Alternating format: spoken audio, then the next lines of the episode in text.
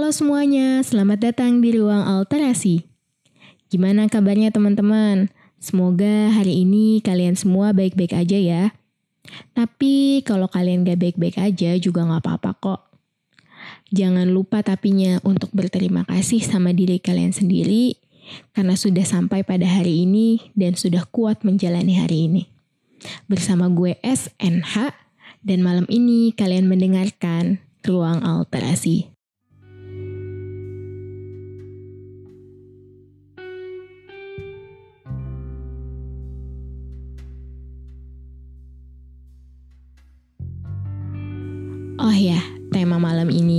Gue bahas yaitu tentang insecurity.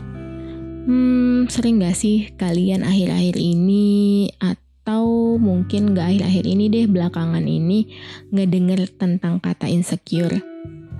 Uh, gue sendiri sih sering banget ngeliat belakangan ini di media sosial ataupun di circle pertemanan gue orang-orang ngeluh tentang insecure terhadap dirinya sendiri ada yang insecure tentang mukanya, ada yang insecure tentang gajinya, ada yang ngerasa insecure tentang keluarganya, ada juga yang ngerasa insecure tentang bentuk tubuhnya.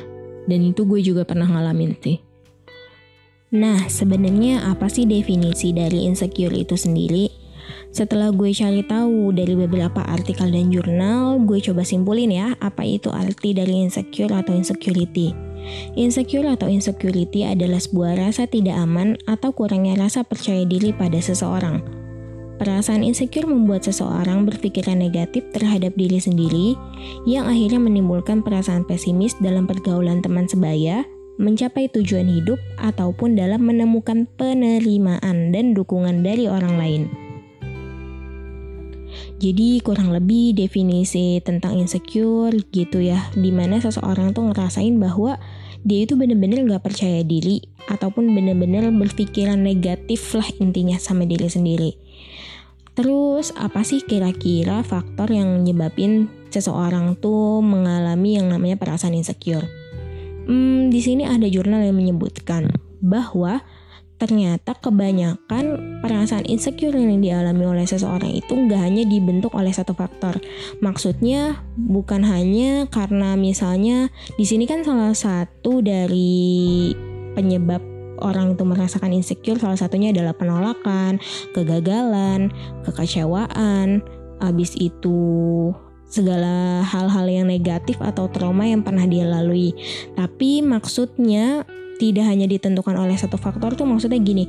Jadi eh, nggak uh, nggak misalkan seseorang ini gagal sekali terus habis itu dia langsung ngerasa insecure. Nah rata-rata perasaan insecure itu muncul setelah akumulasi dari berbagai macam hal negatif yang sudah mereka alami. Rata-rata ya di sini sih jurnal itu menyebutkannya seperti itu.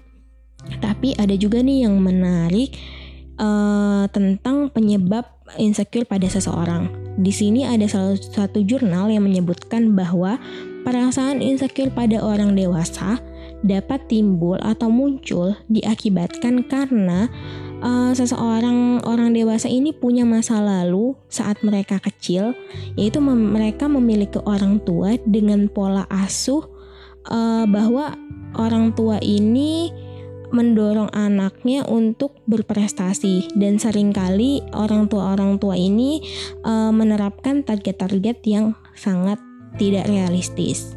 Nah, mungkin ini banyak ya kita temui di kehidupan sehari-hari atau mungkin nggak tahulah di circle kehidupan kalian.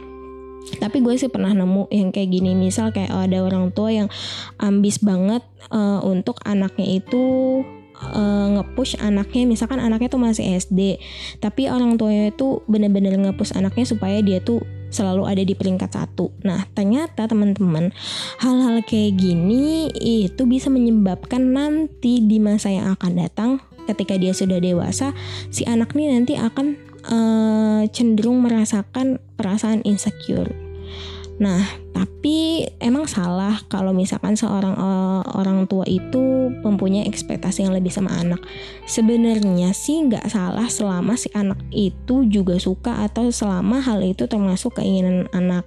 Di sini missnya adalah karena orang tua itu punya ekspektasi yang lebih dan anaknya itu juga nggak suka dan mungkin orang tuanya itu menyampaikannya atau menyalurkan keinginannya itu dengan cara yang tidak disukai anak. Mungkin kurang lebih gitu.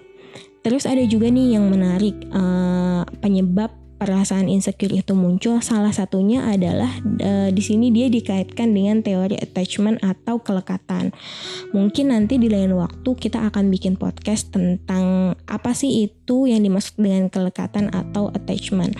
Ternyata di sini kelekatan dengan pengasuh utama saat anak kecil itu sangat berpengaruh akan perasaan insecure yang uh, dimiliki atau dirasakan oleh seseorang. Jadi di sini hmm, rasa percaya anak terhadap orang tua saat kecil yaitu rasa aman, rasa percaya seorang anak saat kecil itu sangat berpengaruh ketika udah dewasa nanti. Apakah si anak ini akan memiliki perasaan ins uh, insecure berlebih atau tidak. Nah, di sini tuh jurnal ini menyebutkan salah satunya itu dan dikaitkan dengan teori attachment. Sebenarnya kelekatan ini kalau misalkan dulu juga di materi-materi kuliah atau di jurnal-jurnal yang pernah gue baca ya mungkin anak-anak ilmu keluarga juga tahu bahwa kelekatan ini tuh sebenarnya penting banget dalam pola pengasuhan. Soalnya dia mempengaruh ke berbagai aspek terhadap perkembangan anak. Jadi mungkin nanti uh, seru kali ya kalau kita bahas tentang apa itu teori kelekatan atau attachment. Sekarang kita lanjut balik lagi ke uh, teori insecurity. Jadi kita udah tahu tuh tadi apa aja sih penyebab kenapa seseorang itu bisa merasakan perasaan yang namanya insecure. Lalu sebenarnya uh, normal atau wajar nggak sih seseorang merasakan perasaan insecure?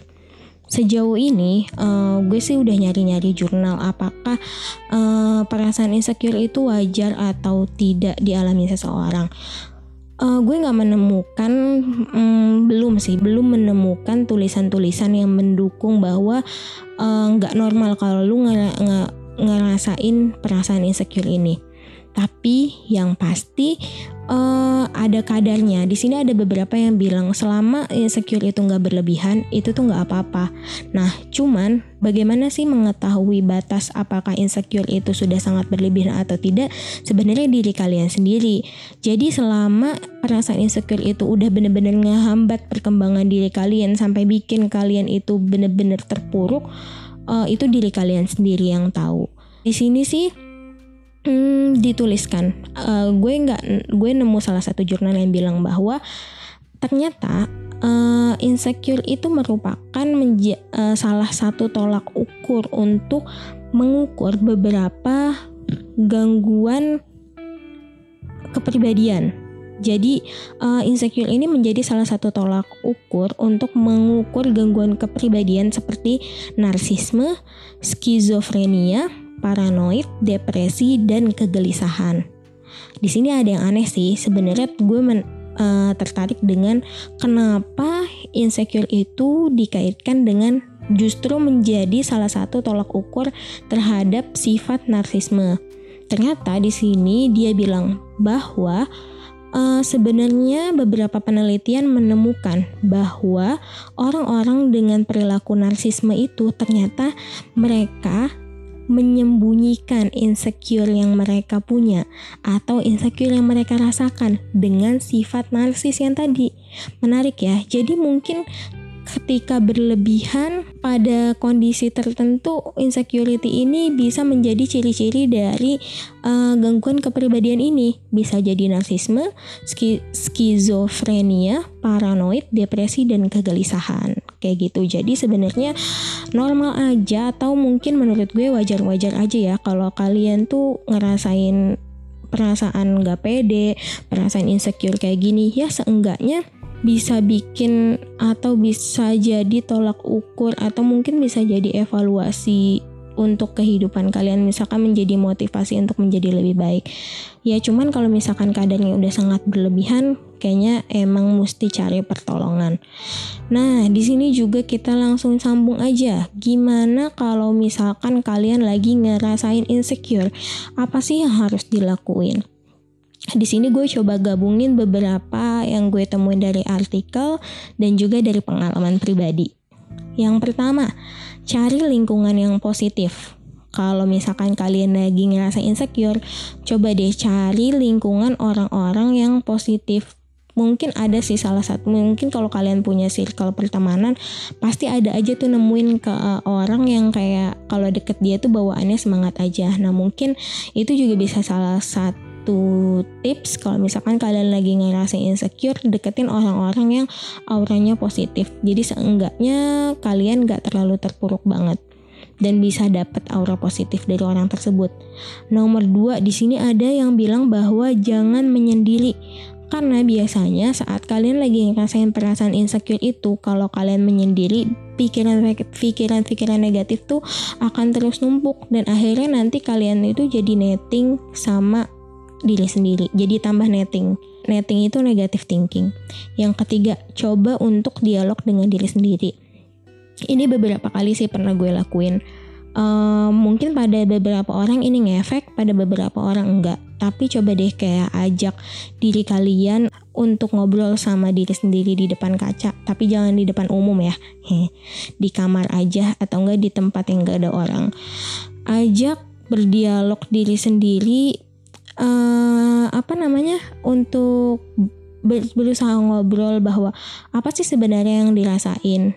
Uh, kalau sharing pengalaman gue dulu, hmm, gue itu pernah ngobrol sama diri sendiri di depan kaca dan bilang bahwa apa sih yang sebenarnya lo rasain.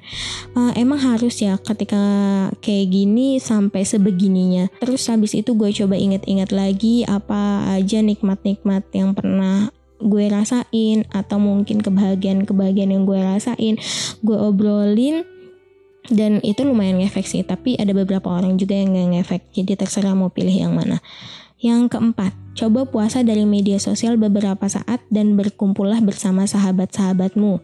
Walaupun media sosial sangat berguna di zaman seperti ini, kadangkala media sosial juga menjadi pemicu seseorang merasa insecure terhadap keadaan diri sendiri. Nah, ini juga bener banget sih. Kadang maksudnya kalau kalian tuh lagi negatif thinking lihat media sosial nanti takutnya malah jadi pikirannya tuh ke mana-mana. Jadi mending kayak luangin waktu ketemu sahabat terus habis itu ketemu teman-teman dan ngobrol. Itu kayaknya lebih bisa ngurangin pikiran-pikiran negatif Terus yang kelima, maafkan masa lalumu karena tadi di beberapa jurnal itu disebutkan bahwa ini adalah akibat dari hal-hal negatif atau tumpukan kumpulan-kumpulan hal negatif yang pernah kalian alami.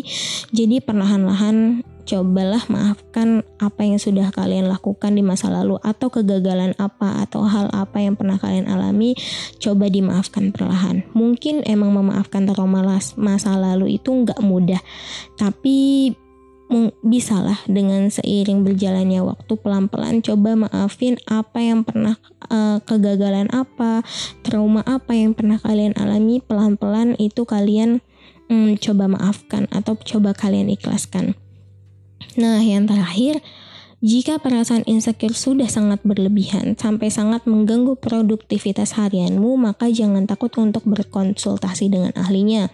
Nah, mungkin untuk kali ini segitu dulu yang bisa gue sharing ke kalian. Sebelum gue tutup podcast ini, uh, gue punya beberapa pesan. Buat kalian yang sedang ngerasa insecure, gak apa-apa Coba tolong bilang sama diri kalian sendiri untuk segera bangkit atau untuk sekedar cari pertolongan. Meski nantinya gak akan mudah dan kalian akan terjatuh lagi, setidaknya kalian sudah melangkah bukan? Dan juga kalian sudah mencoba. Terima kasih telah mendengarkan podcast hari ini dan juga ada nih sebuah kata-kata bijak dari Dr. Gebermet, seorang dokter ahli dalam bidang perkembangan dan trauma anak-anak. Dia bilang bahwa coba pahami insecurity yang sedang kita rasakan. Insecurity itu bukan pertanda kekurangan, namun untuk menunjukkan apa yang harus kita perbaiki dari diri kita untuk menjadi insan yang lebih baik.